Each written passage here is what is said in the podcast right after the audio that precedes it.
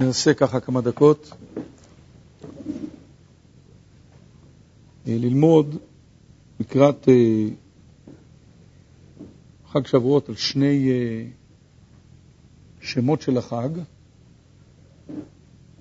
שאנחנו אלפיים שנה פחות מבליטים אותם.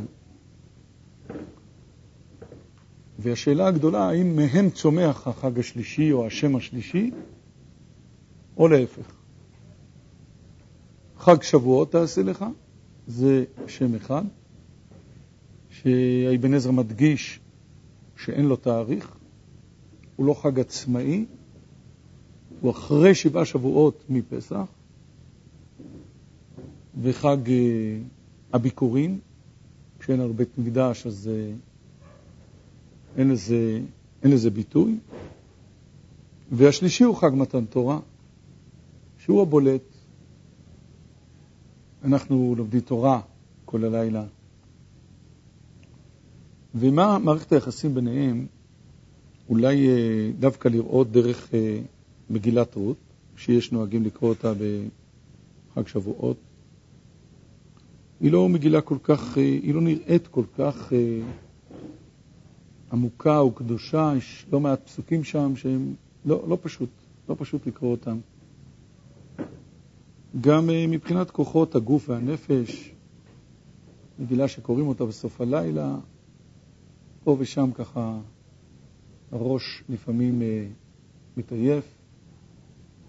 לא, לא תמיד זה עם אה, המגילה הזאת עם תשומת לב, אז אנחנו כמה דקות ננסה. יש פועל אחד שהוא כתוב כמה וכמה פעמים בפרק א', נמצא פה בפסקה 2 במגילת רות. כתוב בפסוק השישי, ותקום היא וכלותיה ותשוב משדה מואב, כי שמעה בשדה מואב כי פקד השם את עמו לתת להם לחם. ובפסוק השביעי כתוב, ותצא מן המקום אשר הייתה שמה ושתי חלותיה עמה, ותלכנה בדרך לשוב אל ארץ יהודה. מבחינה מעשית לכאורה, הפסוק השביעי היה צריך להיות שישי, והשישי יהיה השביעי. כלומר, קודם כל יוצאים מן המקום, אחר כך הולכים בדרך, מגמת הפנים היא לשוב, והביצוע יהיה ותשוב. למה המגילה כותבת את פסוק ו' לפני uh, פסוק ז'? אומר האבן עזרא, ותשוב במחשבתה. כלומר, מחשבת התיקון היא המולידה את פסוק ז', ולכן היא כתובה בפסוק ו'. ואם כך, הפועל לשוב הוא לא רק לחזור, אלא גם לתקן. מה משמעות התיקון? אנחנו רואים בצורה מאוד חריפה את ההנהגה האלוקית מול אלימלך ומול בניו. המגילה אומרת את זה במובן של וימותו גם שניהם, מחלון וחיליון. המדרש פה בפסקה שלוש מדבר על כך,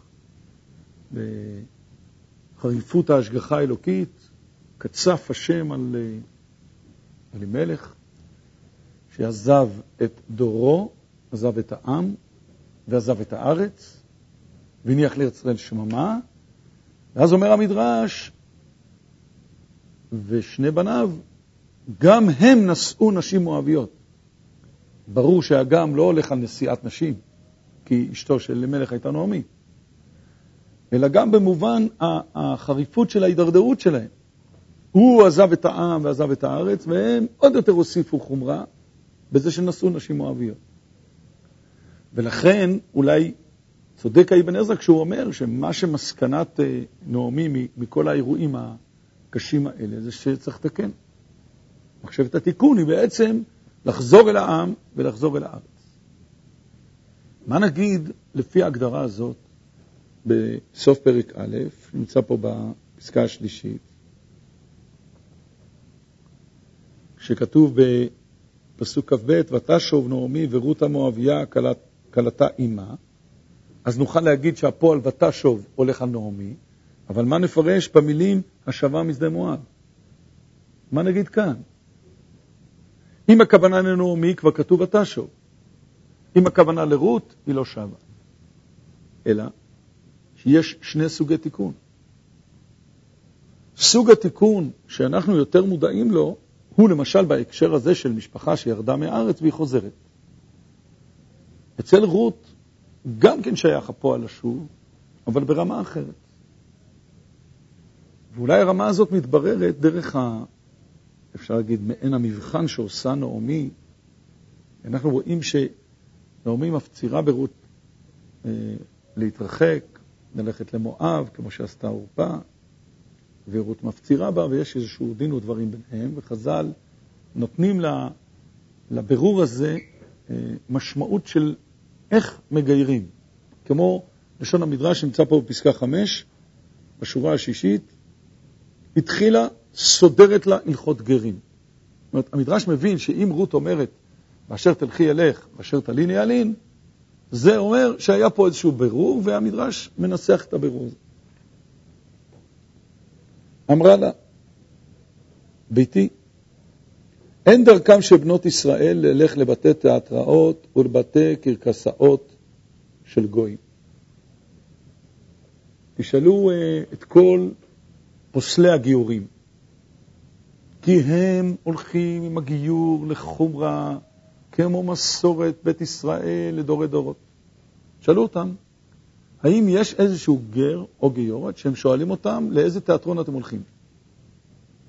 או ברגע שהבן אדם אומר כשרות, שבת, תחת המשפחה, עוד שלוש-ארבע מצוות, חינוך ילדים בחינוך דתי, קהילה דתית, מסודר. לא נפסול חלילה את הגיור שלו.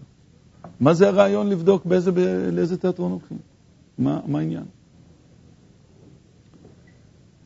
השאלה השנייה, או המבחן השני, אחרי שרות אומרת באשר תלכי אלך, כלומר, אני, אני מסכימה, אז אומר המדרש, אמרה לה ביתי, אין דרכם של ישראל לדור בבית שאין שם מזוזה. אז היא אמרה לה, באשר תליני ילין. מה הבעיה במזוזה? במיוחד היום, שזה נהיה סגולה ושומר על הבית. ואם יש לך נקע ברגל, אז תבדוק ברי של אה, משהו בקריאת שמע, ותראה שיש שם סדק, ותתקן, ואז הרגל תהיה בריאה. מה הבעיה לשים מזוזה? איזה מבחן זה? יכול להיות שבעצם באמת שתי השאלות האלה בשונה לחלוטין מהדגשת המצוות המעשיות, שזה יבוא במדרש רק סעיף ג' וד', השאלה הגדולה של הגיור היא שאלה לאומית. שאלת השייכות ללאום. על דרך הדוגמה, הכותים שהתגיירו, שמהם שבענו הרבה שנים סבל רב, במיוחד בתחילת הבית השני, הם אה, מבחינת מה שמכונה אצלנו דתיים, הם היו דתיים. קיום מצוות, לפי הגמרא בכמה סוגיות, אפילו יש דברים שהם הקפידו יותר מישראל. אז נלך לפי מי שהולך לקראתם ואומר, הם לא גרי עריות, הסוגיה בקידושין, אלא גרי אמת. אבל אומר הרב קוק, אף אחד לא יקרא להם גרי צדק. והיום לגרים קוראים גרי צדק, לא קוראים גרי אמת. אומר הרב קוק על פי הזוהר פרשת אמור, צדק זה כנסת ישראל. היינו, האם האדם רוצה להשתייך לאומה או לא? מה הבירור? אומרת הגמרא במסכת שבת, אז זה נוגע לחג השבועות עוד לפני רות, שאומנם הגרים לא היו בהר סיני, אבל שורש נשמתם עמד בהר סיני. כלומר, אם גר מברר שהגיור שלו באמת רוצה להיות מחובר לכנסת ישראל, הוא מגלה בזה למפרע ששורש נשמתו עמד בהר סיני. ועל כן, המושג הזה של ה... אה, לשוב הוא באמת שונה מהשיבה של נעמי, אבל גם אצל רות בחינה מסוימת של לשוב זה לפגוש את השורש שלה. עם ישראל חוזר לארץ ישראל. דור רביעי כתוב בבראשית אה, פרק ט"ו, דור רביעי ישובו הנה. אבל דור רביעי נולד במצרים, הוא לא נולד פה, אין לו לאן לשוב. אבל הוא פוגש את שורש נשמתו, הקשר בין עם ישראל וארץ ישראל לא נוצר מזה שנולדנו פה. גרנו פה, יש לנו מורשת קרב, יש לנו שפה, הוא קשר נשמתי. אז ברגע שיש חלק מהאומה בבסיס, כי נשארו עוד הרבה יהודים במצרים, אבל מה לעשות, הם לא רצו להתחבר למהלך הגאולה, אבל אלה שרצו להתחבר, אחרי כל הבירורים חטא המרגלים וכולי, כשאנחנו חוזרים לארץ, אנחנו בעצם שווים, נפגשים מחדש עם נשמתנו. כדי לברר האם רות רוצה בתהליך הלאומי, בוחנת אותה אה, נעמי בשתי בחינות. אחת, במישור הלאומי-תרבותי. אמור לי מה התיאטרון שלך, אני אגיד לך מי אתה. מה אתה, איזה עולם ערכים אתה רוצה לבטא, את מה אתה רוצה להתסיס, את מה אתה רוצה להסעיר. ולא בכדי, ב-15 שנים האחרונות, חלק מאוד משמעותי מהתיאטרון עוסק בניגוח של המהלך הציוני, בניגוח של מדינת ישראל. כי היא מציקה לו למשל השאלה המוסרית, אז הוא מבטא אותה. התיאטרון הוא ביטוי תרבותי של הלך רוח, הלך נפש לאומי. אז היא שואלת אותה, אם את רוצה להישאר במואב, בתרבות של מואב, אין לך מה לעשות בחיבור הלאומי עם כנסת ישראל. החיבור הדתי אין בעיה, תוכלי לשמור כל המצוות, אבל זה לא גיור. כי זה לא ברור האם שורש נשמתך עמדה בהר סיני. הנה הכותים, שורש נשמתם לא עמד בהר סיני, והם דתיים, מבחינת המצוות המעשיות. אולי זה גם שאלת המזוזה. ייתכן שבית שיש בו מזוזה, יש בו הכנסת אורחים. המבחן הגדול של המזוזה זה לא סגולתה. זה שאדם בכניסתו ויציאתו מהבית משק את המזוזה, זה עוד לא אומר כלום. והשאלה אם אדם מבין שכשיש מזוזה על פתח ביתו, גם ההתנהגות שלו בתוך הבית, יש לה אופי מסוים. בשונה מהמצב שבו לא הייתה מזוזה. כיוון שהכנסת אורחים היא הרקע של פסילת מואב מלבוא בקהל, הדבר שלא קידמו אתכם, לכן נעמי שואלת את רות, מי את? רוצה בהכנסת אורחים או לא? אחרי שתי השאלות האלה, שנוגעות לטבעיות, נוגעות ללאומיות, נוגעות לתרבות, אחר כך אפשר לשאול גם על פרטי מצוות, וזה המשך המדרש. הסיום של הפרק הראשון במגילה אה, אומר את המילים תחילת קציר שעורי, שזה לפי החשבון של המדרש, ורש"י מביא אותו במקום, זה ט"ז בניסן, יום קציר העומר, הקרבת העומר של השעורים. זה דבר שהמגילה לא מדגישה אותו מבחינת התאריך, אבל האפיון שלו מאוד קשור גם לפרק ב', כי בפרק ב' מופיעות המילים קציר חיטים, שם בפסוק האחרון, וקציר חיטים לפי המדרש זה חג שבועות, ביקורי קציר חיטים. אז פרק הזמן שרות עוברת בכניסתה לעם ישראל, זה בעצם פרק הזמן מפסח לשבועות. ממש אותם חמישים ימים. השאלה הזאת מתבררת בסוגיה בגמרא ביבמות, שחלק קטן ממנה נמצא פה בפסקה 6. היא בעצם, אפשר להגיד, עומק הסוגיה ששמואל הנביא, שכתב את מגילת רות, מתמודד איתה דרך השאלה בעצם, מהו מעמד הר סיני? הרקע של הגמרא ביבמות זה דיון בין אבנר, ושאול המלך, לגבי דוד. האם הוא ממשפחת פרץ, דוד, ואז הוא ראוי להיות מלך, מלך פורץ הדרך, או ממשפחת זרח, ואז חשיבות בעלמא, והוא לא ראוי להיות מלך. ואת הדיון הזה שומע דואג האדומי, דואג האדומי כידוע היה למדן גדול, מבריק מאוד בשכלו, היה בונה לפי הגמרא במסכת סנהדרין דף ק"ו 300 מגדלים בדברי תורה באוויר, ואף אחד לא יכול לפרוח אותם. והוא מאוד מודאג. אומר, מה אתם דנים על דוד? אם הוא פרץ או זרח, הוא לא יהודי בכלל. מפני שהוא בא מרות המואביה.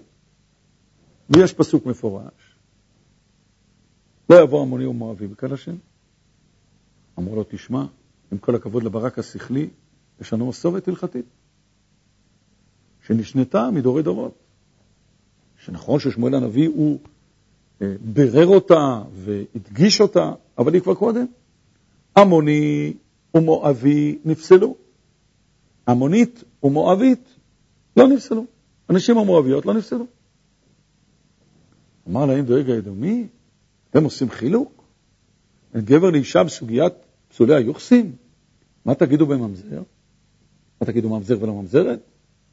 אמרו לו, לא, ממזר זה כמו מום זר, זה משהו מהותי, אז אין הבדל. טוב, הוא למדן, הוא ממשיך לשאול. מה הוא שואל? מה תגידו מצרי ולא מצרי? אומרים לו, אתה לא מבין. הנה השאלה, או התגובה. שאני יחד ומפרש תימא דקרא, פסקה 6. הדבר שלא קידמו אתכם בלחם ובמים. דרכו של איש לקדם ולא דרכה של אישה לקדם. התימא דקרא אומר בגלל שלא הכניסו אורחים. איפה היו צריכים להכניס אורחים? בשדה הקרב הבינלאומי כשהיה המפגש בין ישראל למואב. איש ר... נמצא שם, בדרך כלל, אישה זה לא דרכה, זה לא המציאות הטבעית שלה. אז לכן המואביות לא נפסלו, ולכן הן קשורות לבוא בקהל, אם תתגיירנה. למדן, כמו דואג, לא נכנע. מה ההצעה שלו? הוא מציע הצעה מאוד, אה, מאוד אה, בעולם המודרני, משתמשים בה הרבה פעמים. היה להם לקדם אנשים לקראת אנשים, ונשים לקראת נשים. הוא אומר, מה הבעיה? צניעות? ערבוב? נעשה מחיצה. יעשו מחיצה, אפשר uh, להיות נשים לקראת נשים, גברים לקראת גברים. ואם ככה מואביות כן היו צריכות להיות, וכן היו צריכות להכניס אורחים, וכיוון שלא הכניסו נפסלות, כיוון שהן נפסלות, דוד לא ראוי לבוא בקהל. ואין תשובה לשאלה הזאת. ושאול ואבנר מעבירים את השאלה לתוך בית המדרש, ושם נשאלות כל השאלות, ואין תשובה. ואז אומרת הגמרא בהמשך הסוגיה, באי לאחרוזה עליי. להוציא פסק שהגיור של דוד נפסל. והציל את המצב, לא מישהו למדן, לא מישהו מבריק בשכל, לא מישהו שיכול לעשות חילוקים, לא, לא הופיעו שם. הציל את המצב המסע, שהכתוב קורא לו ישמעאלי, וגמרא אומרת כי הוא חגר חרבו כישמעאלי. והוא אמר להם, חברים יקרים, כל הכבוד לפלפולים שלכם, אני מבין שפה אחת. אם אתם מקיימים את הברייתא של עמוני ולא עמונית, מואבי ולא מואבית, בסדר. אם לא, אני הורג אתכם. זה לא פתרון הלכתי מומלץ, אבל זה מה שעשה אה, המסע. שואלת הגמרא, בסדר, פתרנו את הבעיה, אבל מה עם שלא דואג? בכל מקום קשה. זה סוף הסוגיה, השורות היותר צרות. אז בבבל לנו, אך התרגימו כל כבודה בת מלך פנימה. בארץ ישראל, במערבה אמרי וייתם הרבי יצחק, אמר קרא, ויאמרו אליו, איה שרה אשתך, ויאמר, הנה באוהל. הקדוש ברוך הוא, לפי תיאור הגמרא בסנהדרין, בתהילים, פרק נ"ב, אומר לדואג האדומי, אתה למדן, אתה מבריק בשכל, אבל ותישא בריתי עלי פיך. הדיבור שלך בדברי תורה הוא דיבור מהשפה ולחוץ. מה אתה עושה בלמדנות שלך כשאתה מגיע לפרשת מספרי הרע? או פרשת מרצחים? מה, מה, אתה, מה אתה מחדש אז בדברי תורה? זו השאלה הגדולה של מעמד הר סיני. זה משהו שכלי, אינטלקטואלי, שאתה דואג יכול להטות אותו לאן שאתה רוצה, או זה משהו שצריך ליישר את החיים, ליישר את הנפש, לתאר את המידות. זה שני עולמות שונים לגמרי. אם היית מסוגל להבין מה זה פנימה, היית מבין שצניעות לא מתחילה מהשאלה אם יש מחיצה או אין מחיצה. צניעות זאת נאמנות לעולם פנימי מוסרי. איך אה, בועז ידע שרות אישה מיוחדת? אז אומר המדרש פה למעלה בפסקה חמש. הוא ראה שהיא לא לוקחת שיבולים בלקט של מישהו אחר, רק מההפקר. זה צניעות. נאמנות לעולם מוסרי פנימי. פשטות, ענווה. אתה מגיע לחתונה, כתוב לך, נא לעבור בלבוש צנוע. כניסות נפרדות. מחיצות, לא רואים כלום. המהדרין נכנסים בשני רחובות, משהו, עוד לא הייתה חתונה כזאת. יש שם חמש מנות בחתונה. היא לא יכולה להיות צנועה. יש שם עשרה נגנים בתזמורת, היא לא יכולה להיות צנועה. מי אמר שצניעות זה המחיצה? זה סעיף ב', סעיף ג', לא סעיף א'. אם הטבע הפנימי של האישה לא שייך, ברמה העקרונית, לא מדבר על יוצאים מן הכלל, ברמה העקרונית הוא לא שייך להיות בשדה הקרב הבינלאומי, אז מה תועיל מחיצה? היא לא צריכה להיות שם. יום יבוא וחברה הישראלית תדע מי עומד ב-15 שנים האחרונות מאחורי הטירוף הזה של שילוב נשים בצה"ל לתפקידים קרביים. המילה שוויון היא כיסוי בעלמא. ארגוני סרבנות בינלאומיים, גרמניים, ששמים להם למטרה ומצהירים עליה וכותבים עליה, רק פה אסור להגיד את האמת. לקעקע את כוחה המוסרי של החברה הישראלית בכלל ושל צה"ל בפרט. במקום לראות פגזים, לראות פגזים מוסריים. וכיוון שכך דואג, זה בדיוק מה שהוא מוטרד מדוד. אומר, עוד תהיה מלכות צנועה, עוד תהיה מלכות מוסרית. מה יהיה לאנשים כמוני? לכישרונות שלי, להישגים שלי. זה הקרב על מגילת רות. גם הפלוני האלמוני ששואלים אותו, תגיד, אתה מוכן לקנות את השדה? מה הוא אומר? ברור שכן. ואז בועז אומר לו, אתה יודע מה, כשאתה קונה את השדה, אתה, אתה גם קונה את רות. הופה, הבן אדם עוצר על המקום. מה הוא אומר? לא יכול לגאול. אחי, מה קרה? פן אשחית את נחלתי. מה, נשתגעתי להתחתן עם גיורת? מה יהיה עם הבנות שלי? מה יהיה עם השידוך שלהם? כשהתורה היא פרטית, זה מעמד הר סיני מסוג א'. כשהתורה היא לאומית, מוסרית, טבעית, עם צניעות של רות, היא עולם מוסרי אחר, עולם רוחני אחר לגמרי. זה מעמד הר סיני אחר. אז יכול להיות שאין למגילת רות את ההילה הגדולה של משהו קדוש, רוחני, נשגב, אבל ברוח הקודש של כל הדורות, היא נבחרה להיות זאת שמבטאת בעצם מה המעמד הר סיני רוצה לחדש בעולם. זה לא בכדי שמלכות בישראל צומחת מהמגילה הזאת.